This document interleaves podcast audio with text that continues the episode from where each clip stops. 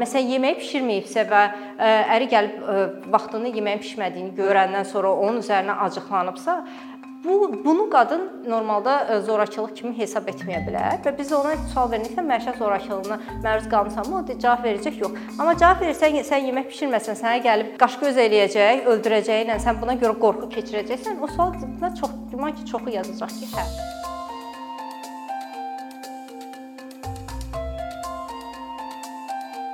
Biz hara gedirik? Nə etməliyik? Bu suallara biz cavab vermək üçün bizim üçün lazımdır bilək ki, nə baş verir?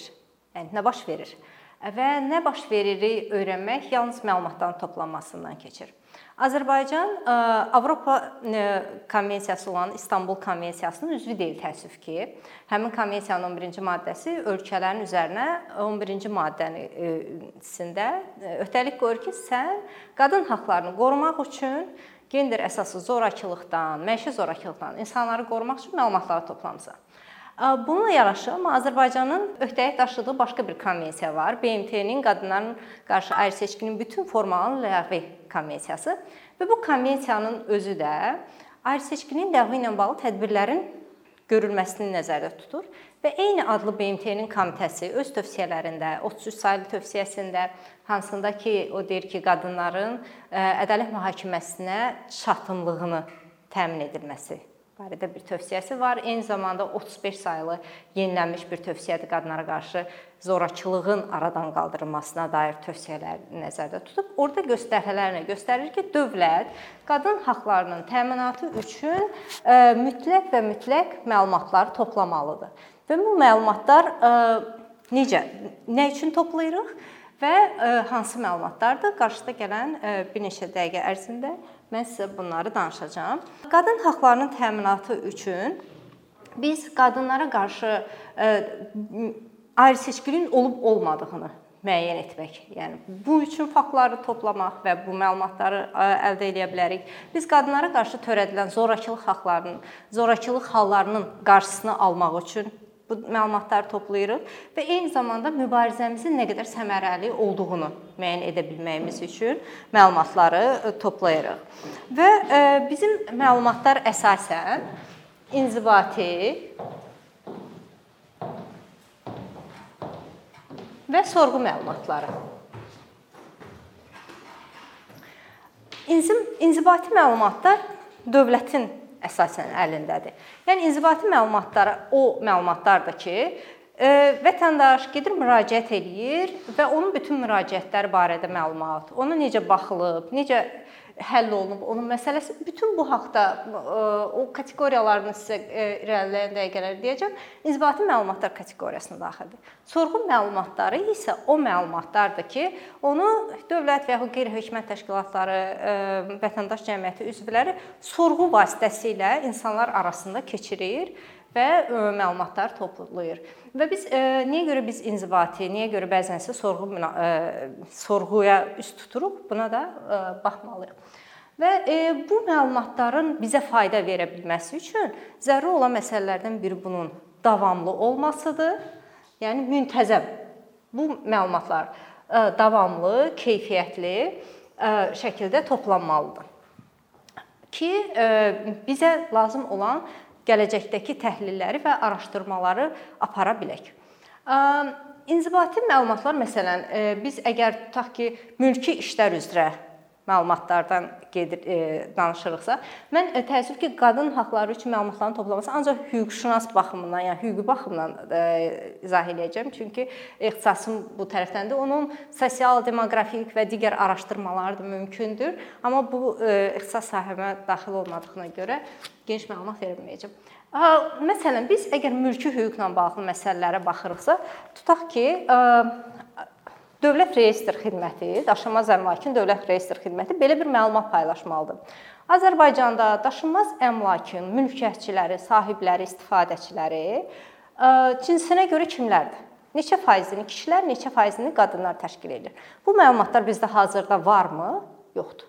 Paylaşılırmı? Paylaşılmır. Yəni dövlətin ə, məsələn ən sadə bir şeydir ki, biz mülki sahədə onda müəyyən edə bilirik ki, qadınlarmı daha çox daşınmaz əmlak sahibidir yoxsa kişilərmi daşınmaz əmlak sahibidir? Və yaxud baş dövlət yol polisi öz məsələn bir sorğu da göndərib bunu əldə edə bilər və kimsə bunu edib bizimlə paylaşsa bu çox qəşəng ola bilər ki, nəqliyyat vasitələrinin neçəsi kişilərə məxsusdur, neçəsinə qadınlar sahiblik edir və yaxud mülkiyyət hüququ əsasında ona məxsusdur. Bu mülki hissəsi və yaxud vərəsəlik. Tutaq ki, biz müraciət edirik Ədliyyə Nazirliyinə və yaxud Ədliyyə Naziri yaxşı olardı ki, onu öz səhifəsində bölüşərdi ki, vərəsələr Azərbaycanda kişilərə daha çox vəsiyyət e, edilir əmlak yoxsa qadınlara? Vərəsələr nəhayətdə qadınlar daha çox öz vəsiyyətnamə üzrə və yaxud da ki, qanun üzrə vərəsəlik açılan hallarda imtina eləyirlər öz paylarından yoxsa kişilər imtina edir. Kimin xeyrinə imtina edirlər. Biz bu halları müəyyən etməklə ümumilikdə Azərbaycanda e, müəyyən edə bilər ki, məsələn, mülki hüquqlar sahəsində daha çox kişi Biz deyə bilərik ki, biz ehtimal edirik ki, kişilərin daha çox bu sahədə daşınmaz əmlakı var, vərəsəlik onlara verilir və s. və l. Amma bu dataların əlimizdə olması həm də bizim əsaslandırmamız, təhlillərimiz və bu məsələ üzərində işləməyimizə çox yaxşıdır və bunu e, bir kateqoriya kimi götürə bilər. Və yaxud ə, pensiyalar. Ə, sosial Əmək və Əhalinin Sosial Müdafiəsi Naziri o öz səhifəsində bizimlə paylaşmalı olan məlumatlardan biri pensiyaçıların cinsinə görə məsələn orta aldığı pensiya məbləği.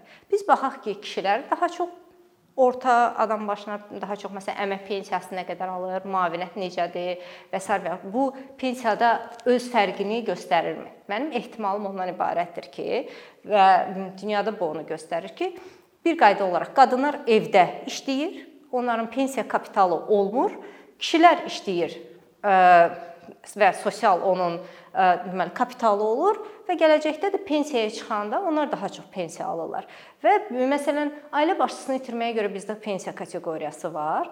Çox güman ki, məsələn, mən bir qayda olaraq eşidirəm ki, ər rəhmətə gedəndən sonra arvadı onun pensiyasını alır, çünki öz pensiyası onun pensiyasından aşağıdır. Biz buna baxa bilərik ki, məsələn, bu bu hallar necə? Yəni pensiyaçı qadınların pensiyaçı kişilərdən fərqi, vəziyyəti nədir? Bax bunu biz e, qiymətləndirə bilərik. Bunlar belə e, ümumi mülki məsələlər üzrə. Keçək zorakılıq məsələlərinə və daha çox cinayət hüququ üzrə toplanmalı olan məlumatlara. Biz Azərbaycanda statistika Dövlət Statistika Komitəsinin saytına daxil olanda biz orada bir sıra məsələn gender statistikası var yazsanız e, çıxır. Və gender statistikasında orada məişət zorakılığına məruz qalan şəxslərin cinsinə görə bölgüsü var. Əladır. Biz ona hər il baxırıq və bu müntəzəm aparılır, yaxşıdır. Amma orada çatmayan nə məlumatlar e, yoxdur. Bu məlumatlar təfsilatlı və alt kateqoriyalara bölməlidir. Təkcə cinsinə görə yox, həm də şəxslərin yaşına görə, bölgüsü, coğrafiyaya görə bölgüsü biz baxmalıyıq ki, Azərbaycanda məişət zorakılığı ilə bağlı coğrafiya necədir, hansı bölgədə daha çox baş verir və yaxud da ki biz bu işlərdə şəxslər arasındakı münasibətlər Bilməli ki, bu daha çox intim partnyorlar arasında mı baş verir? Ər, arvad, sevgili, nişanlı, yoxsa nə bilim, ailə üz digər ailə üzvləri, qardaş, ata, bacı, qardaş və s. və əlaxır. Yəni bu alt kateqoriyalar, yəni əsasən bizim və BMT-nin o adı çəkilən komitələrinin tövsiyə elədiyi məlumat odur ki, biz cinsinə görə Bu müəyyən qədər var, amma biz məsələn cinsinə görə Azərbaycanda əlavə axtarmalıyıq hansı?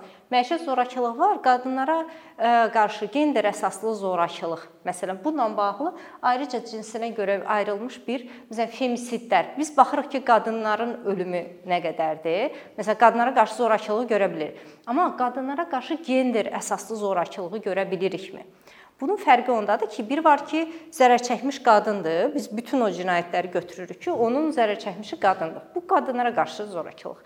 Bir də var ki, qadınlara qarşı gender əsaslı zorakılıq. Onun digərinə fərqi odur ki, sən bu cinayətin qurbanı məhz qadın olduğuna görə olmusan. Yəni e, qadın olmasaydı zərər çəkmiş, o e, həmin cinayətin e, qurbanı olmayacaqdı. Ona görə biz gender əsaslı zorakılıqla bağlı biz e, məlumatlar toplamalıyıq və o bölgüsünü aparmalıyıq. Plus e, yaş Burada biz az yaşlıları müəyyən edə bilməyimiz üçün ki, nə qədər burada az yaşlıya təsir edir. Üçüncü biz müəyyən eləyirik coğrafiyasını, harda yəni baş verib hadisələr və biz əsasən preventiv tədbirlərimizi hara yönləndirməliyik? Və dördüncü sonuncusu bu siyahıda ola bilər münasibətlər ki, yəni bunlar əsasən hansı münasibətlərdə olan şəxslər arasında, yəni bu zorakılığın məişətmi, məişət zorak yoxsa digər gender əsaslı zorakılıq olub olmamağını müəyyən etmək üçün. Həmçinin məsələn biz münasibətləri müəyyən edə bilsək, bu dünən biz müzakirə eləyirdik ki, mühafizə orderlərinin verilməsini əhatə dairəsini kimlərə etməliyik. Biz bu qanuna əslində kör təbii dəyişikliklər təklif eləyirik. Niyə görə? Bizim əlimizdə ölkədə baş verən bütün məişət zorakılığı, gender əsaslı zorakılıqla bağlı şəxslərin hansı münasibətdə olmaqları barədə məlumat olsa, biz başa düşərik ki, həmin o qanunun əhatə dairəsi hamısını mı əhatə edir, yoxsa yox?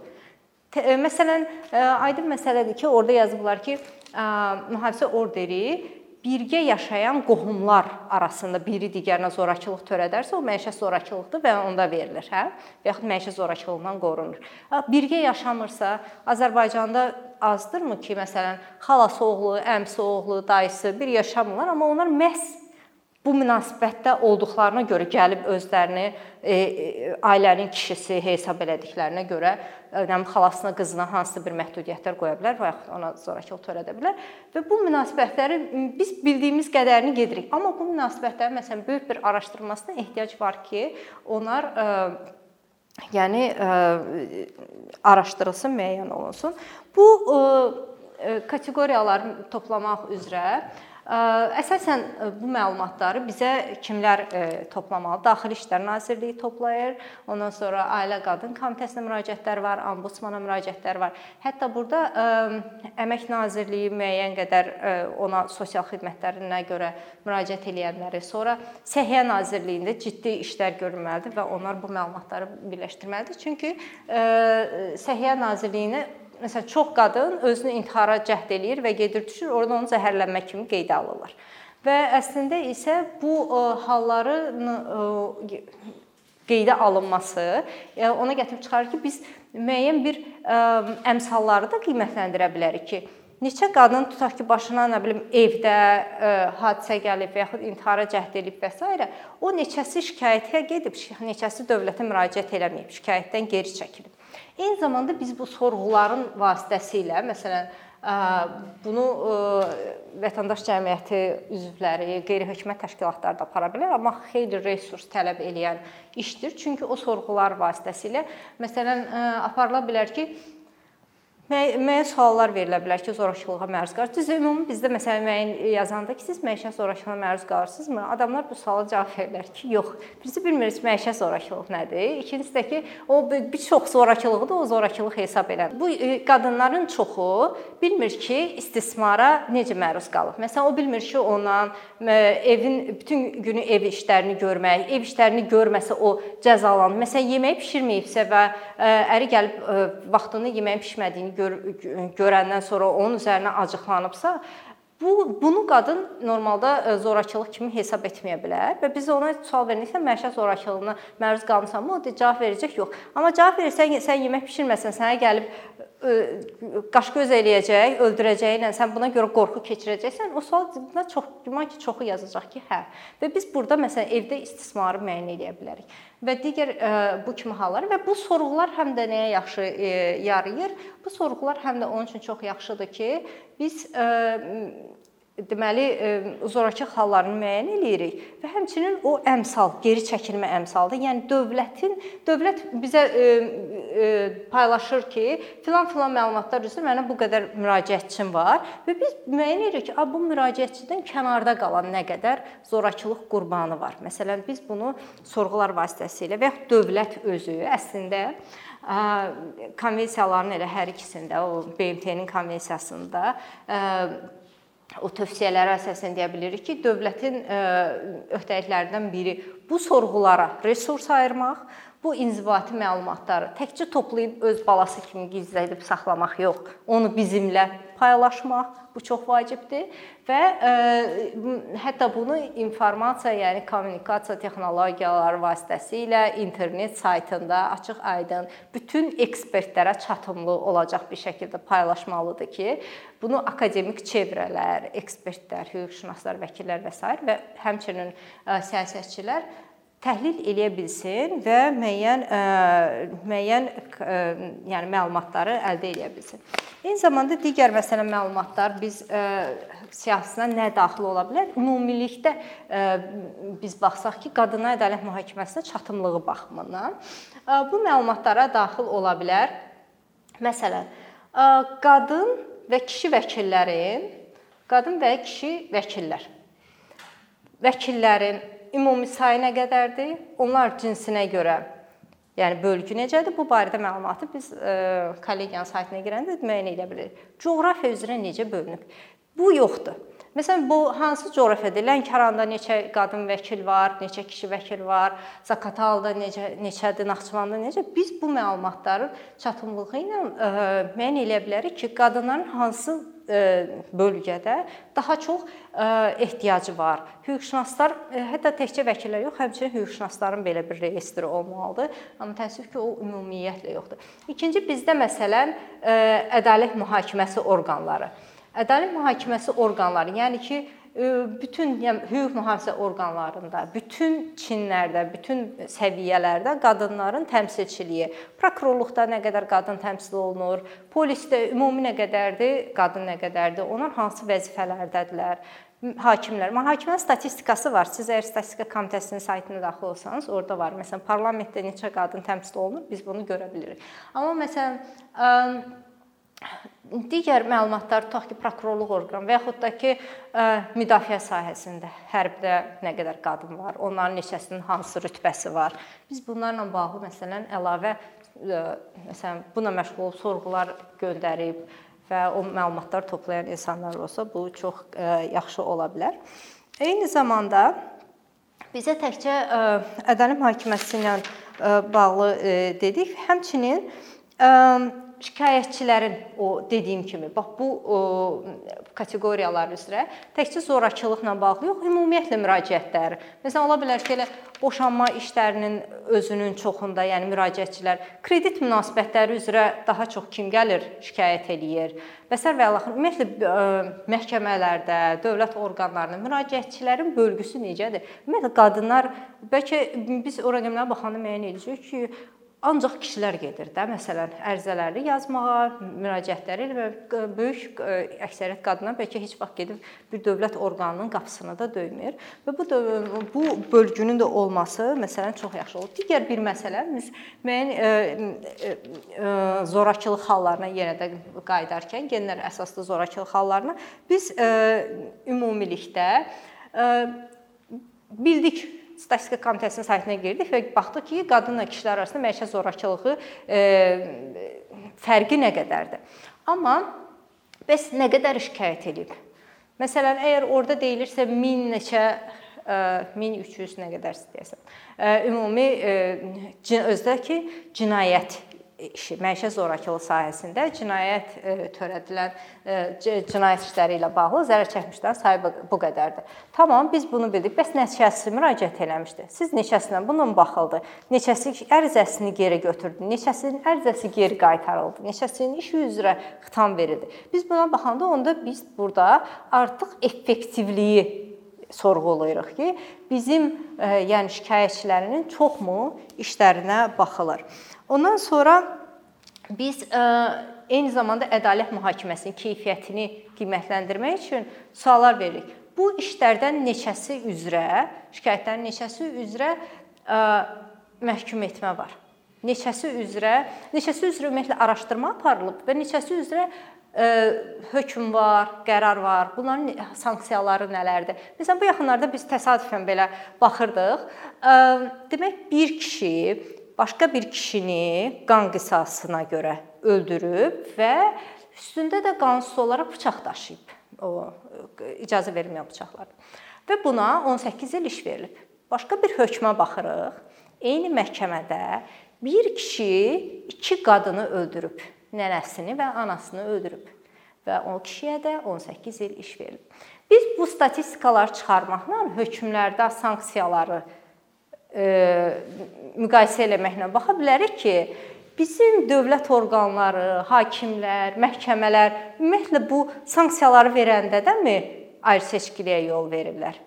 Ehtimal edirəm ki, yol verilir. Amma bunu söyləyə bilmək üçün bizim o dataya ehtiyacımız var. Və yaxud da ki, e, biz kişi kişini döydü, kişi qadını döydü. Bunların sanksiyalarında fərq nə qədərdir? Bax bu məsələlərin də məsələn araşdırılması çox yaxşı bizə təhlillərə imkan verə bilər ki, bu sahədə də e, işləyək. Eyni zamanda işlərə baxılma müddəti.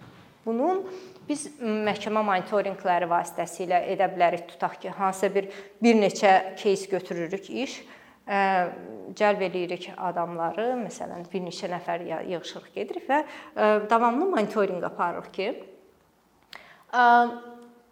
qadına qarşı törədilmiş bir cinayətin məhkəmə baxışı nə qədər davam elədi.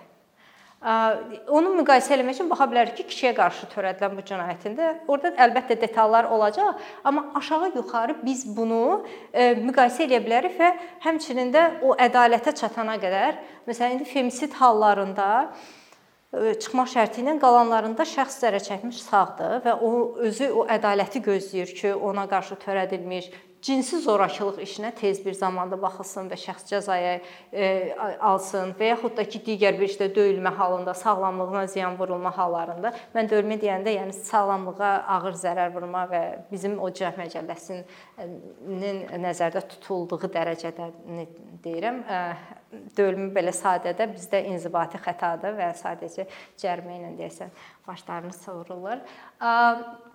Və məsələn o hallarda da o qadınlar bu prosesi, məsələn ən azından ədalət e, biz e, məhkəmə prosesini monitorinq eləməklə məhkəmənin başlamağı ilə bitməyi arasında müddətləri çıxara bilsək ki, Azərbaycanda ortalama məhkəmənin müddətləri bu qədər davam eləyir. Filan-filan maddələr üzrə kişilərdə belədir, qadınlarda məsələn bəlkə eynidir, bəlkə də fərqlidir. Bu müddətlər e, artıq o şikayətçi də biləcək ki, ki, məsələn, sabah mənə yaxınlaşan şikayətçi mən deyəcəm ki, sənin işin üzrə gözlənilən ortalama statistika budur. Ölkə üzrə budur, Bakı üzrə budur və səni bu gözləyir. Və yaxud mühafizə orderləri.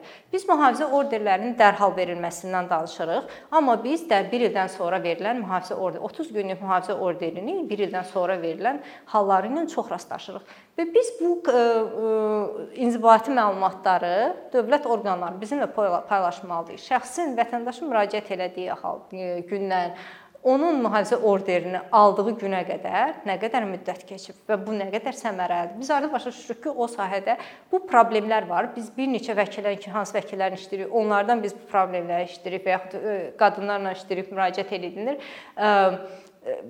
bu işlərdə biz o problemləri eşidirik və görürük ki, bu həddindən artıq uzun müddət çəkir və qadın artıq mühafizəsi belə yəni belə də öz ümidinə qalıb. O mühafizə orderinin verilməsi də sadəcə belə şey xarakter daşıyır, formal çıxır. Çoxu da hətta gəlib evə ünvanına çatana qədər də onun müddəti də bitmiş olur. Bu bir başqa problem. Ona görə bu müddətlərin, yəni biz hesablaya bilsək, çox yaxşı. Eyni zamanda kompensasiyalar. Bizdə ümumiyyətlə problem ondadır ki, biz ümumiyyətlə kompensasiyaları çox az halda tələb eləyirik. Qadınlar bərpa başqa məsələn bərpa vasitələrini çox az tələb edirlər və e, verildiyi halda nə necədir? Məsələn, qadın e, ona vurulmuş mənəvi ziyana görə nə bilim 30 min, 50 min, 100 min tələb edibsə, ona nə qədər ödəniş məhkəmə kəsib? 1000 manat, 500 manat nə qədər kəsib? Yəni biz bu kompensasiyaların da məbləğlərini müəyyən etməklə ümumilikdə ədalət mühakiməsi sisteminin e, bir növ şeyini aparır, qiymətləndirməsini aparırıq.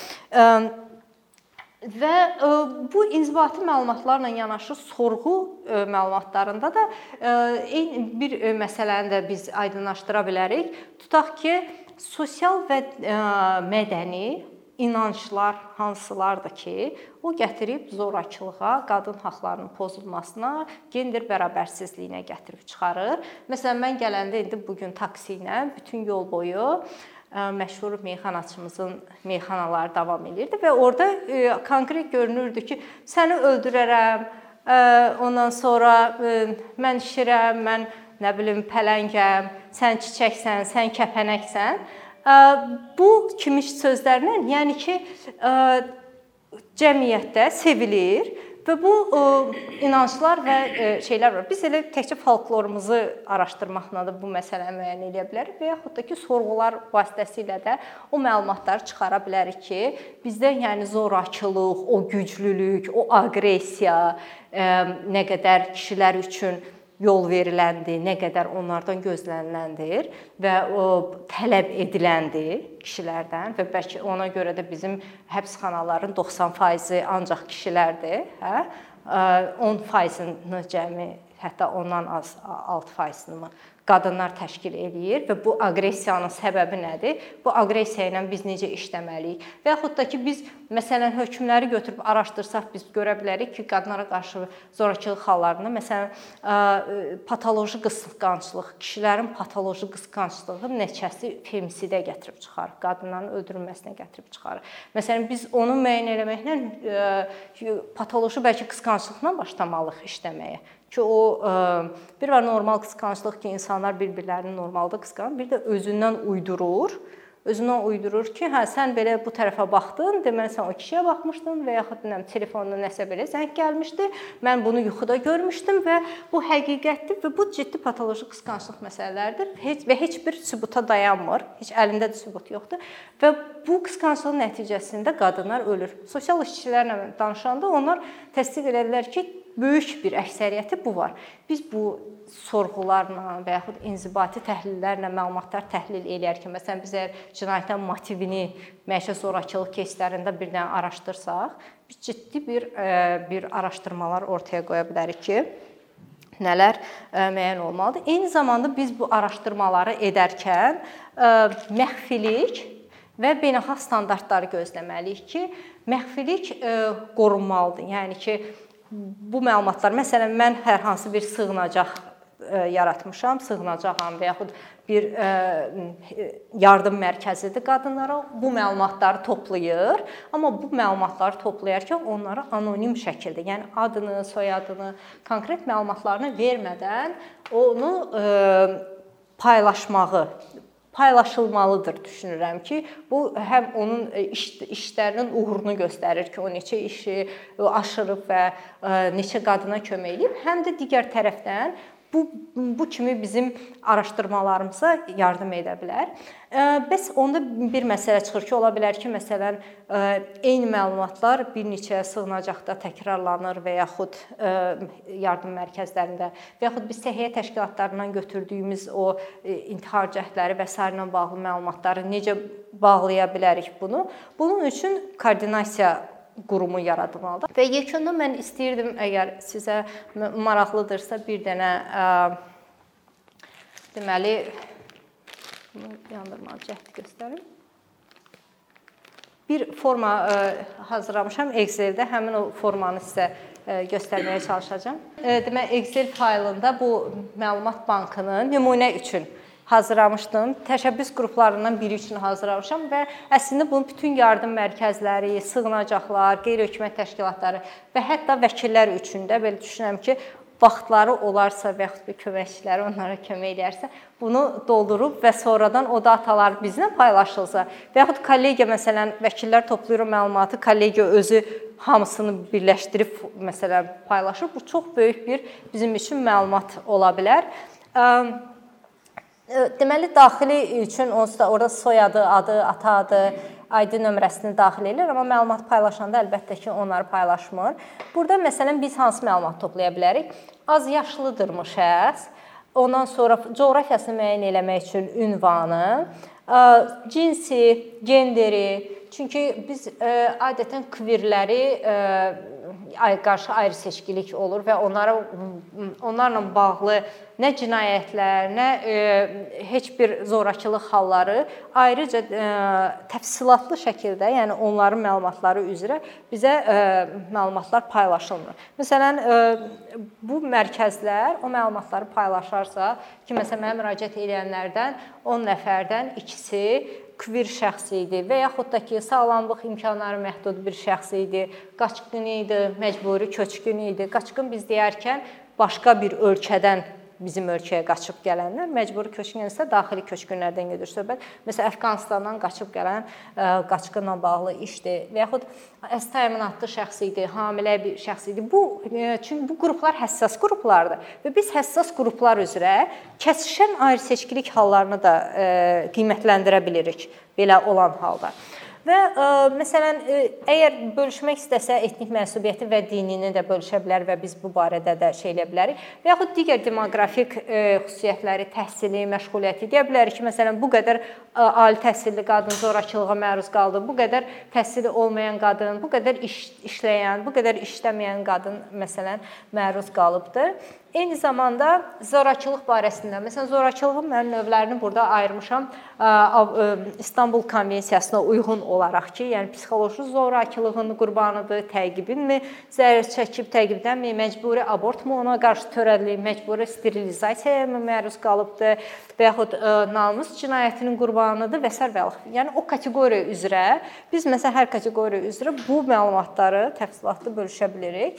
Eyni zamanda bu zorakılığın tarixçəsi, ilk tarixçədir, ilk dəfədirmi, uzun illərdirmi davam edir, keçən ildənmi başlayıb, belə bir e, məlumatları toplaya bilərik. E, bundan başqa uşaqlar barəsində ki, uşaqlar şahid olubmu o zorakılığa? Çünki uşaq şahidlər zərər çəkmiş uşaqlar deməkdir. Yəni uşaq zorakılığa e, görübsə, eşidibsə, onun gözü qarşısında törədilibsə, o uşaq bundan psixoloji sarsıntı keçirib. O uşaq travma alıb və o e, özü zərər çəkmişdi. Eyni zamanda dediyim o məsələ ki, tərəflərin münasibətlərini müəyyən edə bilməyimiz, çünki bu onun partnyorudur, əridir, arvadıdır, övladıdır, digər qohumudur bu məsələlər. Eyni zamanda aqressor Zorba barədə biz məlumatlar toplaya bilərik. Yenə onun demoqrafik xüsusiyyətlərini ki, məsələn, onun ə, nə ilə məşğuldur, təhsili nədir, bizə müraciət tarixləri nədir? Məsələn, risk qiymətləndirməsi etmişik və burada çox böyük risk görünüb. Məsələn biz risk qiymətləndirməsi məsələn cədvəlləri var. Müəyyən eləyirik ki, tutaq ki, 100 baldan 80 bal, 90 balda. Yəni bu qadını bu vəziyyətdə əri həddindən artıq nəm zorakılığı getdikcə artırıb, digər ə, evdə əmlakı məhv eləyir, uşaqların gözü qarşısında zorakılıq törədir, qadın həssas vəziyyətdədir, hamilədir, az yaşlı uşaqları var və s. və burada belə biz görürük ki, çox yüksək bir ə, qiymətləndirmə balı üzrə risk çıxdı və onun ardınca da müəyyən edir ki, biz getdik polisə, polis nə reaksiya verdi, getdik mühafizə orderinə ala bildikmi, ala bilmədik və ə, həmin o Məsələn, yerli icra hakimiyyətinə müraciət elədiyimiz tarix hansı idi? O bizə buna nə cavab verdi? Qadın buna müraciət elədi, etmədi. Məsələn, biz bizə müraciət edən qadınların tutaq ki, e, vəkillik və yaxud da ki, sığınacaqlıq və yardım mərkəzi onun neçəsi getmək istədi polisə. Neçəsi ancaq boşanma ilə işi davam eləmək istədi. Biz onda geri çəkilmənin də müəyyən qədər öz çapımızda nisbətini verə bilirik. Bu bu şeyləri məsələn dövlət və qeyri-hökumət təşkilatlar birlikdə eləyə bilər. Etməlidir, etsə yaxşıdır, amma yoxdursa biz bunu öz çapımızda eləyirik və bu məlumatları toplayırıq. Bizim statistika budur. Mənə aid olan statistika budur. İndi dövlətin statistikasını da indi biz e, təxmin buna əsasən edə bilərikmi, edə bilmərikmi? Artıq düz orada e, bir xeyli başqa məsələlər çıxır. Amma e, paylaşmağımız çox yaxşıdır. Sonra e, eyni zamanda da burada dediyim kimi e, cinayət işləri üzrə müraciət elədik, neçə vaxta baxıldı, o cinayət işinin nəticəsi nə oldu, kompensasiya verildi, verilmədi, şəxsi sanksiyalar necə oldu və burada ardıcıllıq necədir? Həmçinin də e, dərhal qəti imkan tədbirləri və s. və alaxır seçildimi? Bunlara da biz baxıb müəyyən eləyə bilirik. Eyni zamanda o geri çəkilmənin səbəblərinə baxa bilərik ki, yazırıq ki, məsələn, o qorxurdu getmədi mühafizə hüquq mühafizə orqanlarına və yaxud da ki, onu barışdırdılar və s. və ilaxır belə bir məsələ. Bir də digər məsələn mülki icraat qaydasında da hansı işlər həyata keçirilir. Məsələn, orada biz müəyyən edə bilərik ki, qadının çəkdiyi xərclər nə qədərdir. Biz bu gün hüquq e, mühafizə orderi almaq üçün 100 manat pul ödəyirik. Uzun müddətli mühafizə orderi almaq üçün 100 manat pul ödənilirsə, bu e, heç də qadınların, yəni mühafizəsinə yönəlməyib. Qadın əli, ayağı yalın, evdən çıxıb qaçır və o 100 manat ödəməlidir ki, dövlət onu mühafizə eləsin də. Çox böyük bir biabırçılıqdır. Və onun üstünə biz bu məişət zorakılıq qurbanının boşanmasına, aliment tələb eləməyinə görə, əmlakin bölgüsünü tələb eləməyinə görə nə qədər e, xərcləri çıxdığını, təkcə elə dövlətə ödənilən o xərclərini yazıb, bu ortalama bu statistikanı çıxara bilər ki, məsələn, qadınların e,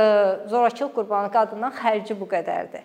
Məsələn, ölkədəki orta əmək haqqı ilə müqayisə edə bilərik və yaxud minimum yaşayış e, məbləği ilə müqayisə edə bilərik və oradan da bu rəqəmləri çıxa bilərik. Və bütün bu məlumatları biz toplayanda sonra biz müəyyən edə bilərik ki, nə baş verir, hara gedirik, nə etməliyik. Yəni bunun əsasında biz siyasətləri müəyyən edirik və hara gedirik, hara getmək istəyirik yönünə yönləndirə bilərik. Təşəkkür edirəm sizə dinlədiyiniz üçün. Mənim təqdimatım bu günlük bu qədər.